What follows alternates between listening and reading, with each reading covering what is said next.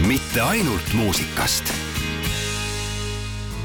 meie päeva on nüüd saatmas saade Mitte ainult muusikast. minu nimi on Karl-Gustav Adamsoo ja täna olen ma Elmari stuudiosse külla kutsunud ühe väga erilise inimese, kellele läheb korda, et inimestel läheks elus hästi. tegemist on nii psühholoogi, koolitaja ja nõustajaga kelle peamisteks uurimisteemadeks on nii tööõnn, tasakaal elus kui ka näiteks äh, terviklik töökultuur ja lisaks loomulikult väga palju muud enamat, millest me täna loodetavasti teada saame.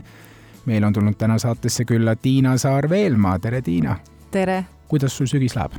tänan küsimast, tegelikult naudin seda aega aastast jaa, võib-olla minu sügisele annab tooni see, et ma proovin suvel alati oma akud hästi ära laadida ja võib-olla minu töö ja sellise eriala eh, spetsiifiliselt võiks öelda, siis eh, suvel mul nagu tegelikult koormus läheb alla, mul on alati olnud unistus, et ma vähemalt kaks kuud saaksin siis niimoodi puhata ja olla iseenda ja loomingulisemal lainel. tundub, et see töötab, nii et kui sügis algab, siis ma olen alati õhinal ja, ja teine põhjus, miks ma väga õhinal olen, on siis see, et et tegelikult need tööde tegemised, mis mul on, päriselt mulle ka meeldivad ja ma armastan seda tööd, mida ma teen. kõlama jäi õhin, kõlama jäi selline põnev aeg ja, ja hea minek rääkides sellest õhinast ja sellest, mida sa teed, siis Tiina, sa oled iseennast ka äh, nimetanud tööõnne uurijaks mm. -hmm töö ja õnn. kõlab justkui, et õnnelikult tehtav töö, õnn töö juures. kuidas ise selle enda jaoks äh, lahti oled defineerinud, mida see tööõnn endast kujutab, mida sa uurid? jaa, et sul on täitsa õigus, et äh, tegelikult äh, me võime möönda, et seal on teatav vastuolu, et kui me näiteks vaatame töö ajalugu või kust see sõnagi tuleb, et siis eesti keelde see tuleb sõnast orjaöö lühendina ja, ja mitte ainult eesti keeles, eks, et ka muudes keeltes me leiame, et see algtüvi on pigem midagi rasket, midagi koormavat või isegi ebameeldivat. ja, ja noh, teisalt me võime jälle öelda, et aga tänu tööle me oleme jõudnud siia, kuhu, kuhu me oleme jõudnud et kuidas me saaksime siis neid saavutuste vilju nautida. et mis ilmselt on juhtunud, et me ajapikku, kui me õppisime asju niimoodi tootma lattu ja ja olema sellised ähm, progressiivsed ja produktiivsed, et siis äh, kuidagi selline inimlik äh, soov teha kõike hästi palju ja, ja siis äh,, siis juhtubki see, et me justkui oleksime sellest orjandusest nagu läbi tulnud ja samas nagu ei ole ka. et näiteks äh, väga tihti, kui ma käin organisatsioonides ja küsin, et mida nad igatsevad, need inimesed seal, siis äh, nad ütlevad, et aega, äh, aega, et äh, päriselt rääkida üksteisega, aega, et puhata, aega, et süveneda, aega, et mõtiskleda, et kuidagi nagu tundub, et, et selle tööga käib kaasas ka selline pinge, pinevus ja kuhu see õnn siis sinna mahub, eks, tekib küsimus ja seda ma siis olengi uurinud äh, nüüd juba üle kahekümne aasta, et kas mm. üldse on nagu võimalik, mis komponentidest see koosneb ja hea uudis on see, et on võimalik. aga tõepoolest, et seal on siis need oma nüansid, et noh, alates sellest, et äh, mis on selle tähendus, mida me teeme, et kas ma nagu mõistan seda sügavat mõtet, äh, lõpetades sellega näiteks, kui vaba ma olen oma tegemistes, kas minu soovidega on arvestatud ja nii edasi ja nii edasi, nii et noh, neid komponente me leiame sealt veelgi, aga, aga jah, et see on üks äh, selline paras äh, labor, kus seda asja siis nagu uurida. tööõnn peab ka nagu kohanduma vastavalt ajale ja olukorrale, konteksti, mis me ümber on, aga vaadates otsa viimaste aastate äh, valguses toimuvale, mis on olnud ka sellised peadpööritavad hektilised ajad, rohkem väljakutseid esitavad. kuidas see sinu töölaud seeläbi muutunud on? Minu töölaud on muutunud äh, esiteks äh, sellisel moel, et see tööõnn võib-olla varem oli peetud ka pehmeks teemaks, et võib-olla see just selline hea muutus, äh, mis on aset leidnud, on see, et see teema on kuidagi nagu tähelepanu pälvinud. ma vaatan kas või selle alusel, kui palju mind nagu kutsutakse erinevatesse organisatsioonidesse varem oli väga selgelt see, et kui sa kutsud Tiina tööõnnest rääkima, siis su töötajad lähevad minema. oligi nii või? jaa, see oli väga selge arusaam et me ei tohi õnnest rääkida töökohal, sest siis inimesed ju lähevad ära. millal no, see aeg oli siis? Äh, viis aastat tagasi. viis aastat, ainult nii vähe aega tagasi? Mhm. -huh. täna sul on tõenäoliselt graafik täiesti triiki täis, jaa, tõsi. et täna nüüd ilmselt ikkagi leidub veel neid organisatsioone, kes võib-olla ei näe selle nagu mõtet või tähtsust, miks sellest asjast üldse rääkima peaks, aga, aga ilmselgelt see kaalukauss on muutunud siis sinna teises suunas. ja mis mind eriti rõõmustab, et üks äh, minu suur otsus oli ka tulla siis palgatöölt ära kaks tuhat seitseteist lõpus, et panna Eestis õlga alla valdkondadesse, kus ma just eriti nägin, et seda teadmist on vaja ja need on siis meditsiin, haridus, kultuur ja üldse siis need missioonikriitilised valdkonnad, mis aitavad meie rahval ja kultuuril püsida. ja siis äh, seal ma nagu tõepoolest nagu näen, et et, et me, me, me nagu saamegi päriselt midagi nagu muuta, et need on valdkonnad, kus see teema on eriti olnud nagu defitsiidis. et noh, tegelikult see noh, seesama haigla näidegi, et haigla ei võta tööõnnekoolitust, kuna see tundub neile pehme teema, siis noh, täna me ei tuleks nagu selle pealegi, on ju. et see on nagu selline hea, hea ja tervitatav äh, suundumus, et me sellest saame rääkida ausalt ja avatult aga nüüd teine, teine asi on see, et, et rääkida võib, aga siis tekib kohe küsimus, et mis me siis teisiti teeme või kuidas me nüüd siis nagu saame. ja võib-olla see, see hästi kaasaegne vaade on sellele, et, et piirid on hakanud nagu hägustuma, et justkui see töö ja eraelu tasakaal, et see ei ole enam nagu nii lihtne hoida. võtame kas või selle pandeemia aja, et kes siis läksid kodukontoritesse, et mingis mõttes see oli justkui ahah see on ju veel suurem paindlikkus, ma saan ise otsustada oma päeva rütmi ja tempot, aga selle medali teine külg nüüd oli siis see, et kuhu üldse see piir tõmmata. kui see töö juba tungib meie elutuppa, meie magamistuppa, meie kööki, kes ma siis olen? et seda me näeme, see on hästi suur probleem, et see maailm on muutunud nii intensiivseks, nii palju kiiremaks, nii palju noh, tormakamaks et nüüd tõmmata sinna piire, et nii, siin lõpeb minu tööroll ja algavad minu eraelu rollid, seda on inimestel üha raskem teha. on. ja, ja, ja see ei sõltu nüüd, eks ole, otseselt nagu ka enam äh, valdkondadest, et võib-olla üks hea, hea näide, mis mul on siin ka tuua, et, et jah, et ma tegin teadlikult otsuse, et ma tahan õlga alla panna missioonikriitilistele valdkondadele, aga siis ikkagi on noh, teatud sektorid, kus no võib-olla, no ütleme, võtame näiteks tootmise, et siis mõeldakse, et noh, kas me nende, kas, kas tootmistöötajatega peab näiteks arenguvestlasi pidama, nad ju lihtsalt teevad seda oma asja seal, eks. et siis mul õnneks on siia ka tuua nüüd neid häid uudiseid. et vahet ei ole, mis valdkonnas see inimene või hing toimetab, et igal pool on õigus olla õnnelik. igal pool on õigus tunda, et minu loodav on väärtuslik, tähtis, oluline. et mind kuulatakse, et mind kaasatakse, et noh, sellist valdkonda või tööd ei ole kui seda teeb inimene, siis inimene on oluline. küll on tore, et meie saade alles algas, nii et üht-teist väga väärtuslikku häid mõtteid jääb veel kõlama, aga peame nüüd hoogu, kuulame natukene muusikat ja siis tuleme tagasi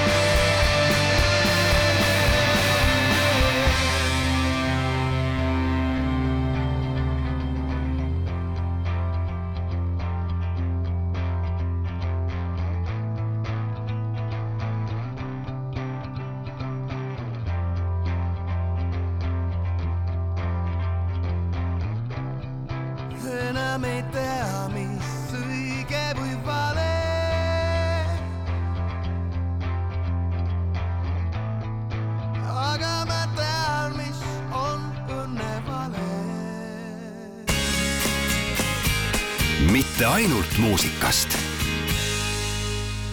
käimas on saade Mitte ainult muusikast ja seda täna üheskoos Tiina Saar-Veelmaaga. kui sa kujutaksid enda vaimupildis eh, ette ühte ideaalset päeva, milline see välja näeb? nii armas ma pakun oma klientidele ka tihti seda harjutust teha. nii tore, nii tore, et keegi minu käest ka millal küsib. sa viimati selle millal, ma, ma ei ole seda sinult maha kopeerinud, ütlen ausalt. ei ole, ei ole kuulnud, millal sa viimati ise mõtlesid sellele küsimusele? ma ikka võtan aega unistamiseks ka ja kuna mul on päris mitmeid loomingulisi harrastusi, et siis see ka õnneks nagu võimaldab sellist sissevaadet. aga ma arvan, et minu ideaalne päev on pigem aeglase hommikuga. ärkan puhanuna ja siis äh, teen oma väikeseid hommiku äh, rituaale ja mõtlen oma unenägudele millegipärast on väga värvilised ja pöörased unenäod, et panen siis need tükid kokku. siis kuulub sinna ärkamise juurde ka klaas sooja vett, keedetud mm. vett, enne veel, kui ma kohvi hakkan jooma. Et kuna ma olen aja, aja vältel kahjuks ka raskelt läbi põlenud mõned raksud, siis ma just sellist nagu iseenda tervise hoidmist nii vaimselt, hingeliselt kui füüsiliselt pean hästi tähtsaks, et see on mul selline hügieenifaktor. ja siis ma jah, katsetan erinevaid viise, mis siis mulle sobivad ja siis äh, kuidas päev sealt siis edasi võiks kerida, et ähm, tavaliselt mulle meeldib natukene teha mingit sellist mõttetööd, mingisugust loomingulist sutsu hommikul ja siis ma juba võiksin ennast korda sääda ja, ja rattaga. Füüsiline aktiivsus. ja rattaga sõita, siis näiteks mul on äh, Tallinnas siis äh, telemajas on mul nõustamistuba, siis ma vuran kassisabast telemajja. Kohtun seal mõne imetabase inimesega, äh, kes on mulle nõustama tulnud ja ma tihti mõtlen, et issand, ma peaks hoopis neile peale maksma, et ma saan olla nende kaasteeliseks või kuulata neid selliseid äh, inspireerivaid sissevaateid või üldse inimeste kogemuste või elude kohta. ja, ja siis äh, loomulikult äh, selles noh, ideaalses päevas mul kindlasti peaks olema mingisugune selline jah, inspireeriv töösuts või sinna võib ka ju mingi loeng veel mahtuda ja nii. sa avasid ühe teema, nimelt läbipõlemine ja, ja teema, millega sa oled ka ise kokku puutunud, nii nagu sa mainisid siin. Läbipõlemine on selline teema, mina ise olen kakskümmend seitse aastat vana noor ja, ja mis on üllatav ja kurb samal ajal, et ma märkan järjest enam enda ümber läbipõlemist. ise olen ka seal kuskil piiri peal olnud. kui see läbipõlemine on küll päris sageli, see võib tulla väga järsult, see võib olla ka kaugel, aga kus sa ise tunnetad täna seda piiri ja kuidas sa kuidagi ohjad seda, et, et enam niimoodi ei juhtuks Hmm. või kuidagi endast rohkem ei annaks, kui tagasi ei saaks, et hoida seda elus, seda balanssi jaa, see on hästi oluline küsimus ja ilmselt seda võib-olla vastust äh, ei tulegi, et äh, kuidas ma lõpuni sellest hoiduda oskaksin mm.. minu hea õpetaja Sirku Aidolehti on minu arvates öelnud kuldsed sõnad, et osad inimesed, kelle võib-olla selline energeetika ja, ja ja pühendumine on kõrgem, et nad tahavadki palju teha ja nad vaimustuvad, et nad peavad eluaeg ennast natuke hoidma tagasi ja me peame kogu aeg nagu leidma neid uusi viise ennast ohjata. ja see on ka ilmselt minu selline muster või, või praktika. ja erinevatel eluetappidel ma olen siis proovinud ennast erineval moel ohjata ja üle kavaldada, aga noh, tagasi lihtsate asjade juurde, et mul üks hästi suur teema on uni, kõik need targad rituaalid seal ümber, et mis kell ma hakkan magama minema, kui on selline ärevam öö olnud või, või kuidagi pingeline aeg, et kas ma võtan päeval neid väikeseid äh, rahunemispause, et kõik see on üks suur teema. ja üldse nagu lihtsal teemal jätkates, et äh, auto ei sõida ilma kütuseta, eks, et me sööksime kvaliteetset toitu äh, õige sagedusega ja siis, mis puudutab nüüd seda, et mul ei oleks ahvatlust liiga palju tööd teha, sest üks minu nipp on see, et ma nüüd täiesti teadlikult äh, kujundan oma vaba aja rolle. mul on selline huvitav komme ennast nagu müksata mugavustsoonist välja ja õppida siis teistsuguseid asju, kui mul on loomupärane, näiteks ma olen õppinud DJ-ks. oo, Ja- muusikast me juba varsti räägime, nii. ja siis ma olen, praegu tantsin tänavatantsu seal oli üleskutse, et võivad tulla algajad kaheksateist pluss, ma muidugi ei teadnud, ma läksin kohale, et kõik teised on kaheksateist ja mina olen pluss aga, aga ja, ja siis äh, praegu ma õpin ka Soomes näitlejaks, filminäitlejaks ja siis äh, ja üldse noh, sellist ma luuletan, eks ole, seda juba ammu-ammu, aga mul on jah, päris palju selliseid nagu loomingulisi harrastusi.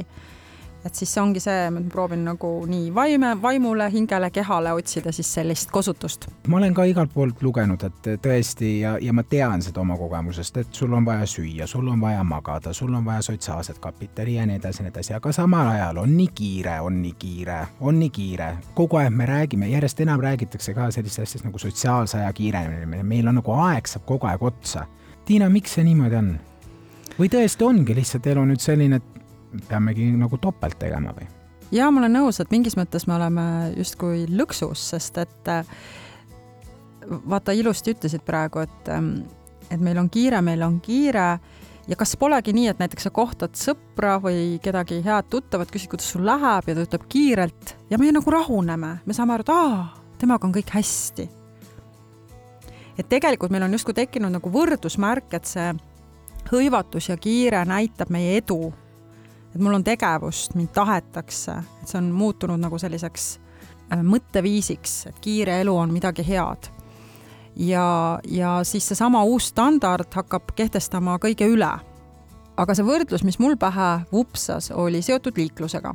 et liikluses näiteks me ei pea seda heaks noodiks, kui inimene kiirustab äh, noh, seal, kus kiirustada ei tohi, eks. ja me teame, mis on selle tagajärg, et toimuvad kokkupõrked ja meie turvalisus on ohus aga sama on meie muu elu kiirusega.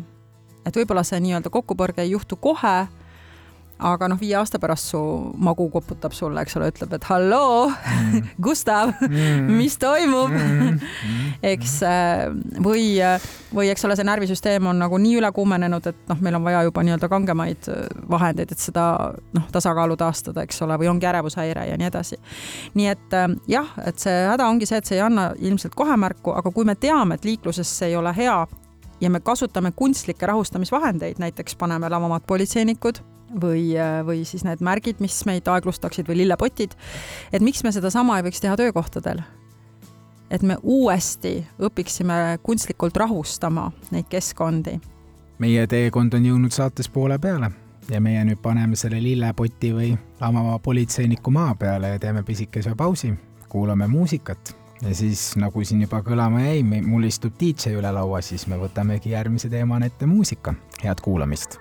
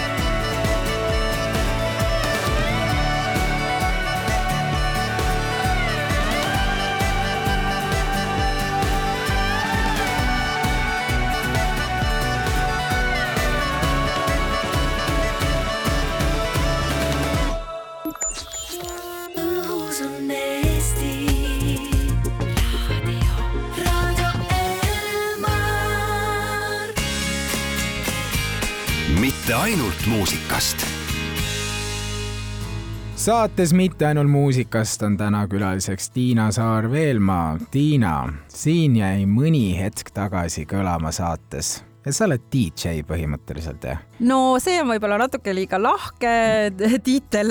tõsi, tõsi on see, fakt on see, et ma õppisin seda paar suve tagasi, justkui Covidi aeg oli, siis ma mõtlesin, et võib-olla minu tööd ei ole enam kellelegi vaja, et kõik on kupatatud kodukontoritesse ja, või üldse, et see töö tähendus muutub ja siis ma mõtlesin, et et äkki ma pean ka siis mõtlema, et midagi muud teha. ja ma õppisin rege DJ-ks äh, Tarvi Laamani käe all. Ja see muidugi tol hetkel lõppes meil niimoodi avaliku esinemisega. Ja nüüd peab remargi korras siin ütlema seda, et mul on täiesti puudulik muusikaharidus all ja minu meelest ma isegi ei pea rütmi.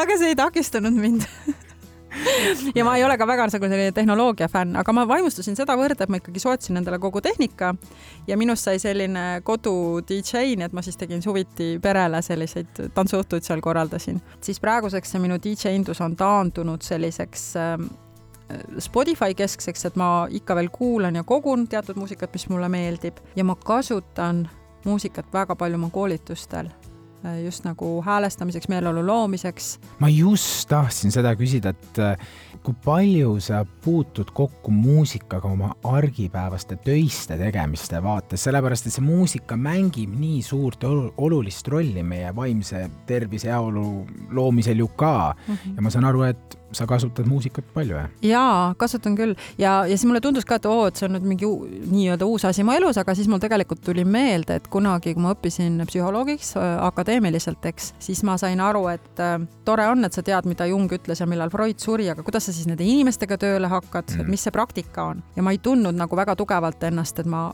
julgen inimesi vastu võtta ja otsisin siis sellist aktiivsemat äh, metoodikat ja leidsin muusikateraapia ja õppisin seda isegi aasta aega siis Tallinna Ülikoolis äh, Alice Pehki käe all. ja see oli ka natuke sürreaalne, et see mind tohutult kõnetas, aga kuna mul ei olnud ühtegi pilli, et ma ei ole, mitte minu ema ei pannud mind isegi klaverisse vahel olen kade selle peale. see muusikateraapia õping, äh, see oli lihtsalt selles suhtes tore ja kurb ühtaegu, et, et ma oleksin palju enam noh, saanud sellest kätte, kui mul oleks see pill olnud. aga ma pean ütlema, et ma olen selle muusikateraapia juurde ka naasnud, et ma sain just ühe sellise värske värske kursuse ühe USA tegija käest ja näiteks äh, osade oma teraapia klientidega ma ikkagi kasutan pille ja, ja mis mulle väga meeldis selles DJ väljaõppes, oli see mm., eriti kui me tegime selle avaliku esinemise, et see on nüüd üks, äh, üks raamat, mille nimi mulle küll ei meenu, aga aga autor ütleb seal, et et mis puudutab DJ-ndust, siis äh, kuidas inglise keeles kõlab, et if you do not have fun, everybody else doesn't. ehk mm. siis kui sul ei ole lõbus, siis teistel ka ei ole, nii et vahet ei ole, lõbus peab sul olema, ise sa pead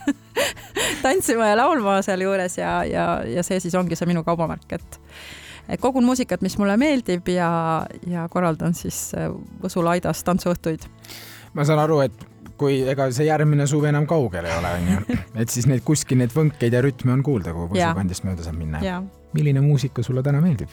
keda sa siis kuulad, millised võnked sind, sinu südant ja kõrva, kõrvu paitavad? ütleme niimoodi, et äh, minu muusika harimatuses ma võib-olla äh, siis ei oska neid kõiki žanre nii hästi määratleda ka, aga kui ma lihtsalt nagu vaatan siin oma Spotify'dki, et mul on grammatikut, mul on sellist indit, mul on äh, house'i, mul on siin äh, mingit tehnolaadset, džäss on olnud mul muidugi vaieldamatu lemmik ja siis äh, kombinatsioonid ja, ja sellist indie-rocki ja võib-olla just selline nagu ka sellised segud. Mm ja tegelikult vist ma vist, mida ma muusikas ka otsin või mida ma kuulan neid liste läbi või mida siis selle minu valikute põhjal ka see platvorm siin soovitab, et siis mulle meeldib, et selles muusikas ka on, tabab mind mingi üllatus, kasvõi elektroonilises muusikas, et noh, ta ei, ta ei ole siis nii ühetooniline või et seal on midagi, mis kuidagi kõnetab mind, et siis ta läheb nii-öelda sinna minu listi.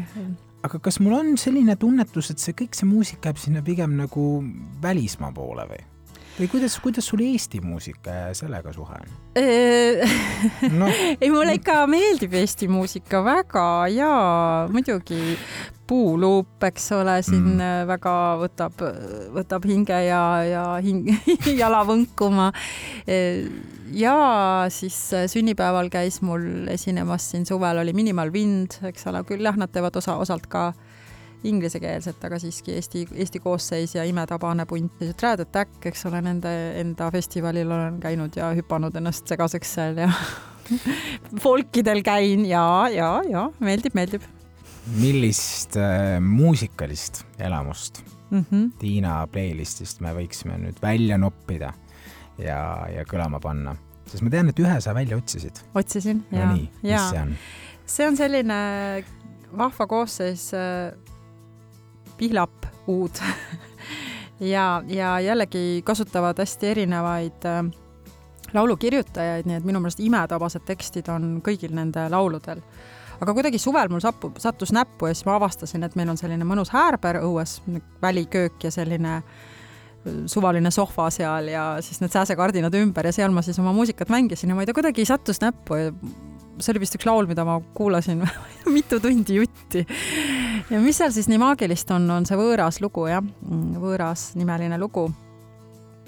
võib-olla midagi see laul teeb sellist, et see hakkab sind ümbritsema, see loob sulle selle meeleolu, see kannab sind kaasa, kujundid, voolavus, teatud selline rütm, igatsus et väga hea näide sellisest, kuidas mina otsin ja, ja mis on need minu muusikaleiud või mis mind hakkab kuidagi liigutama. ja nüüd on meil erakordne võimalus seda lugu kuulata ja siis me tuleme veel korraks tagasi, et vaadata edasi.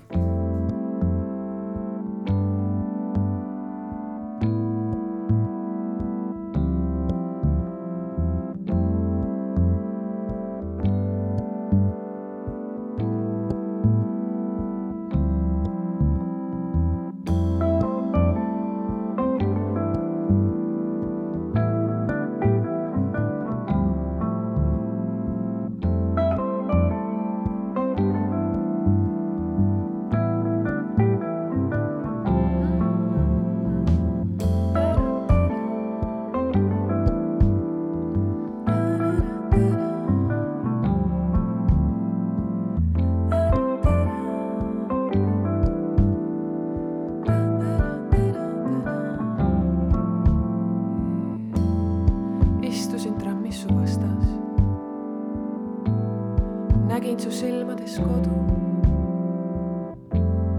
Nende all uniseid hommikuid, veel veidi allpool ravisin nohu ja veel allpool ootasin suudlust.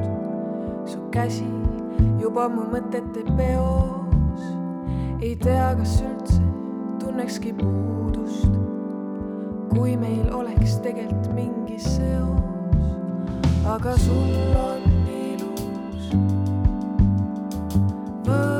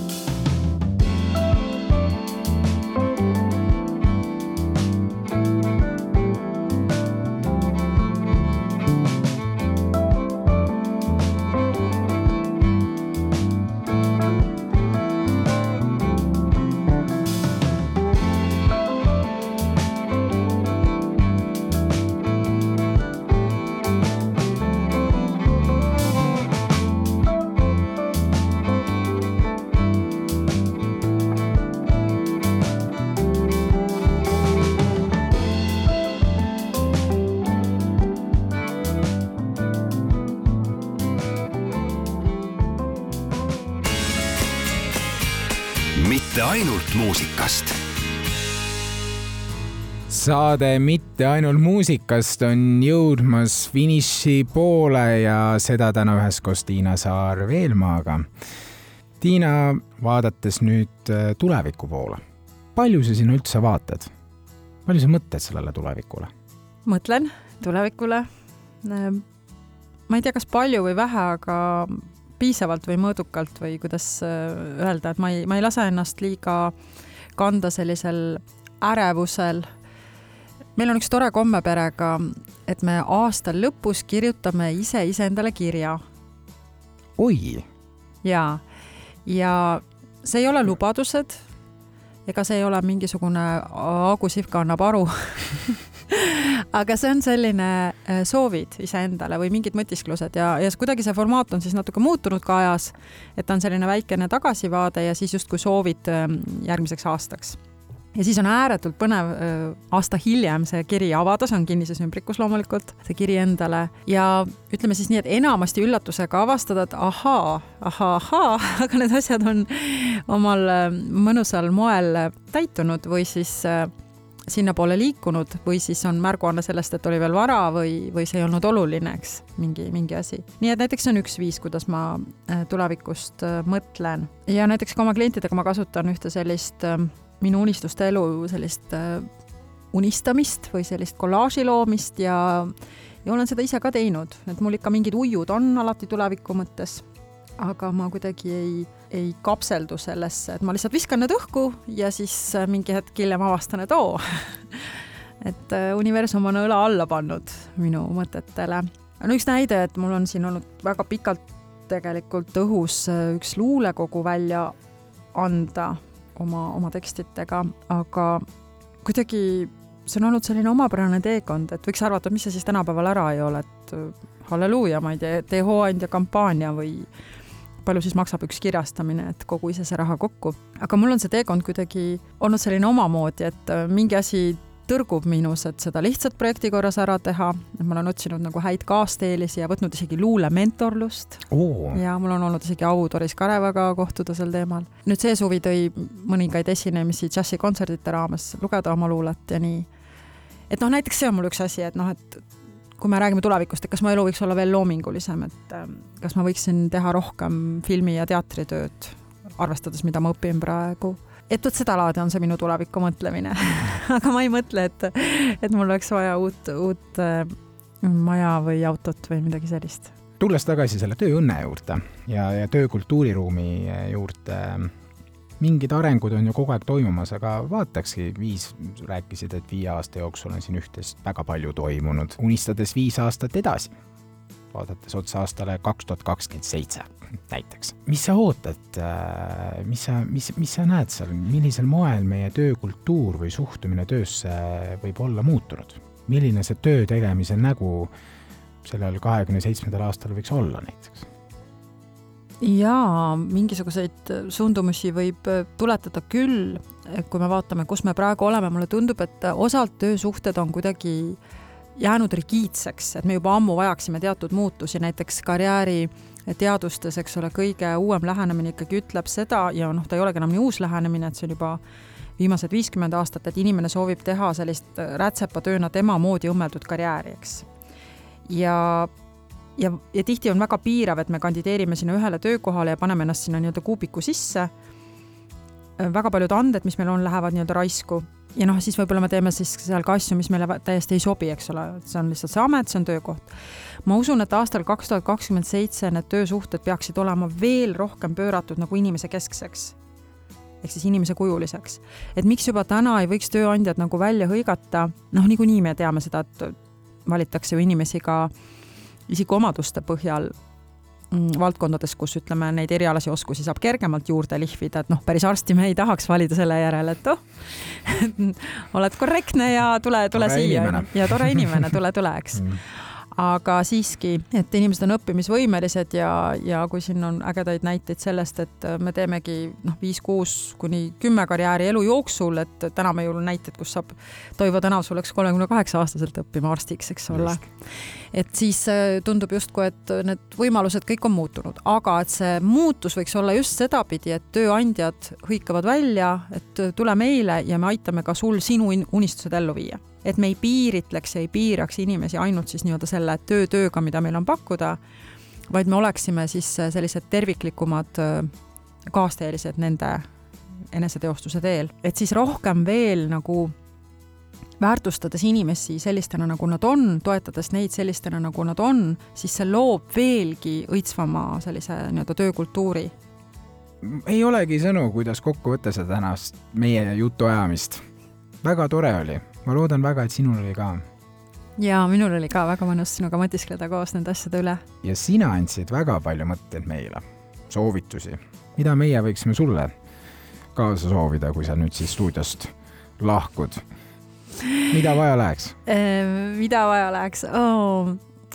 jaa, võib-olla mm, et ma ise ka äh, siis äh, julgeksin ikka olla selline mänguline ja maagiline ja ja hullumeelne edasi, et äh, selle näitlejaõpingu käigus lihtsalt ma mingi hetk nagu avastasin, kui läks väga raskeks, nagu tõsiselt väga raskeks, olid eelmise suve algul eksamid, et siis ma küll hoidsin mingi hetk kahe käega peast kinni ja küsisin endalt, et miks ma lihtsalt ei võiks olla tavaline keskealine naine. Miks ma siia ronisin aga võib-olla nendeks hetkedeks, kus ma ise hakkan endas kahtlema, et siis on hea teada, kui kuulajad ütlevad, et edasi, sa suudad, sa jaksad, sa väärid ja et minusse ka usutaks. meie usume, et sa väärid ja meie usume, et sa suudad ja aitäh, et sina andsid meile energiat, meie anname sulle siin vastu ja veel kord aitäh, et sa meiega täna siin olid. hea Elmari kuulaja selline oligi tänane saade mitte ainult muusikast, seda üheskoos Tiina Saar-Veelmaaga ja minu nimi on Karl Gustav Adamsoo ning loodan, et igaüks sai täna sellest jutuajamisest midagi endaga kaasa võtta, et siis päev oleks ilusam ja endal ka rohkem rahu ja rõõmu sees. soovin teile mõnusat päeva jätku ja kõike head. Õnnest liiga palju ma ei tea, kuid lugenud olen tunde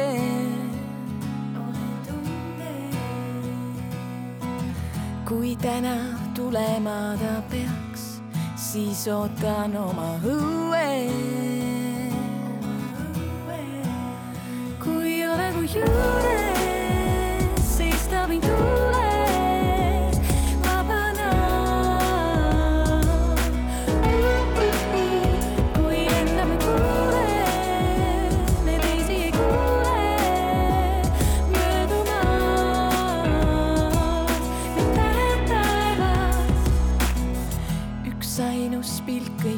ta võib, võib lennutada, kuule.